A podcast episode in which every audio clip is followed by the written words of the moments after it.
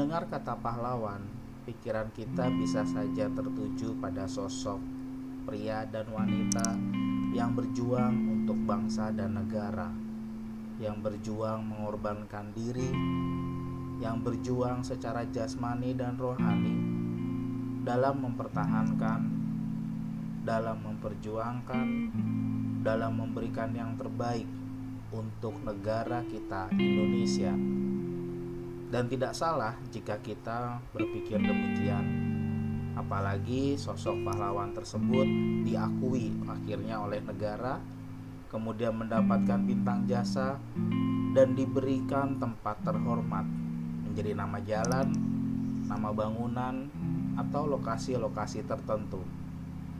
Namun, pernahkah kita berpikir bahwa diri kita juga adalah pahlawan? Ya, kita adalah pahlawan. Kita rela berkorban demi cita-cita kita di masa yang akan datang.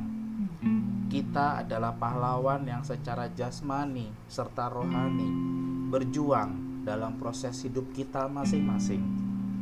Kita juga pahlawan bagi sesama saat kita berbagi kebahagiaan maupun motivasi. Lalu, apa yang membuat kita harus ragu dengan diri kita sendiri? Ingatlah bahwa Tuhan menciptakan kita dengan unik, dengan talenta, dengan kelebihan dan kekurangan kita sebagai manusia. Tetapi Tuhan tidak pernah membatasi diri kita, bahkan untuk juga menjadi seorang pahlawan. Yang perlu kita lakukan sebagai pahlawan adalah melakukan sesuatu yang baik tidak hanya untuk diri kita sendiri, melainkan juga untuk sesama.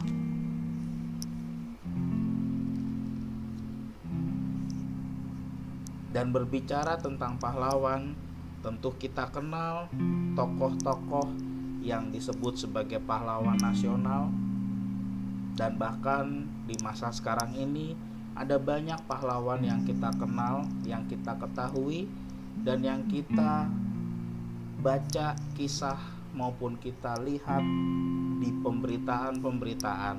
Contohnya ada istilah pahlawan olahraga, ada lagi pahlawan kesehatan, ada pula pahlawan untuk kemanusiaan dan masih banyak lagi mereka-mereka yang berbuat lebih untuk orang lain. Sekali lagi, kita pun bisa menjadi pahlawan. Dimulai dengan hal sederhana, dari diri kita sendiri untuk kemudian kita bagikan kepada sesama. Pahlawan bukan sekedar pengakuan semata, tetapi pahlawan adalah bukti konkret dari diri kita sendiri sebagai manusia dan juga sebagai pembuktian bahwa kita memang melakukan sesuatu kepada sesama kita. Maka mari kita mulai kita mengakui diri kita yang adalah pahlawan dalam setiap tindakan yang kita lakukan demi Tuhan dan juga demi sesama. Selamat Hari Pahlawan. Deus Providebit, Tuhan yang menyelenggarakan.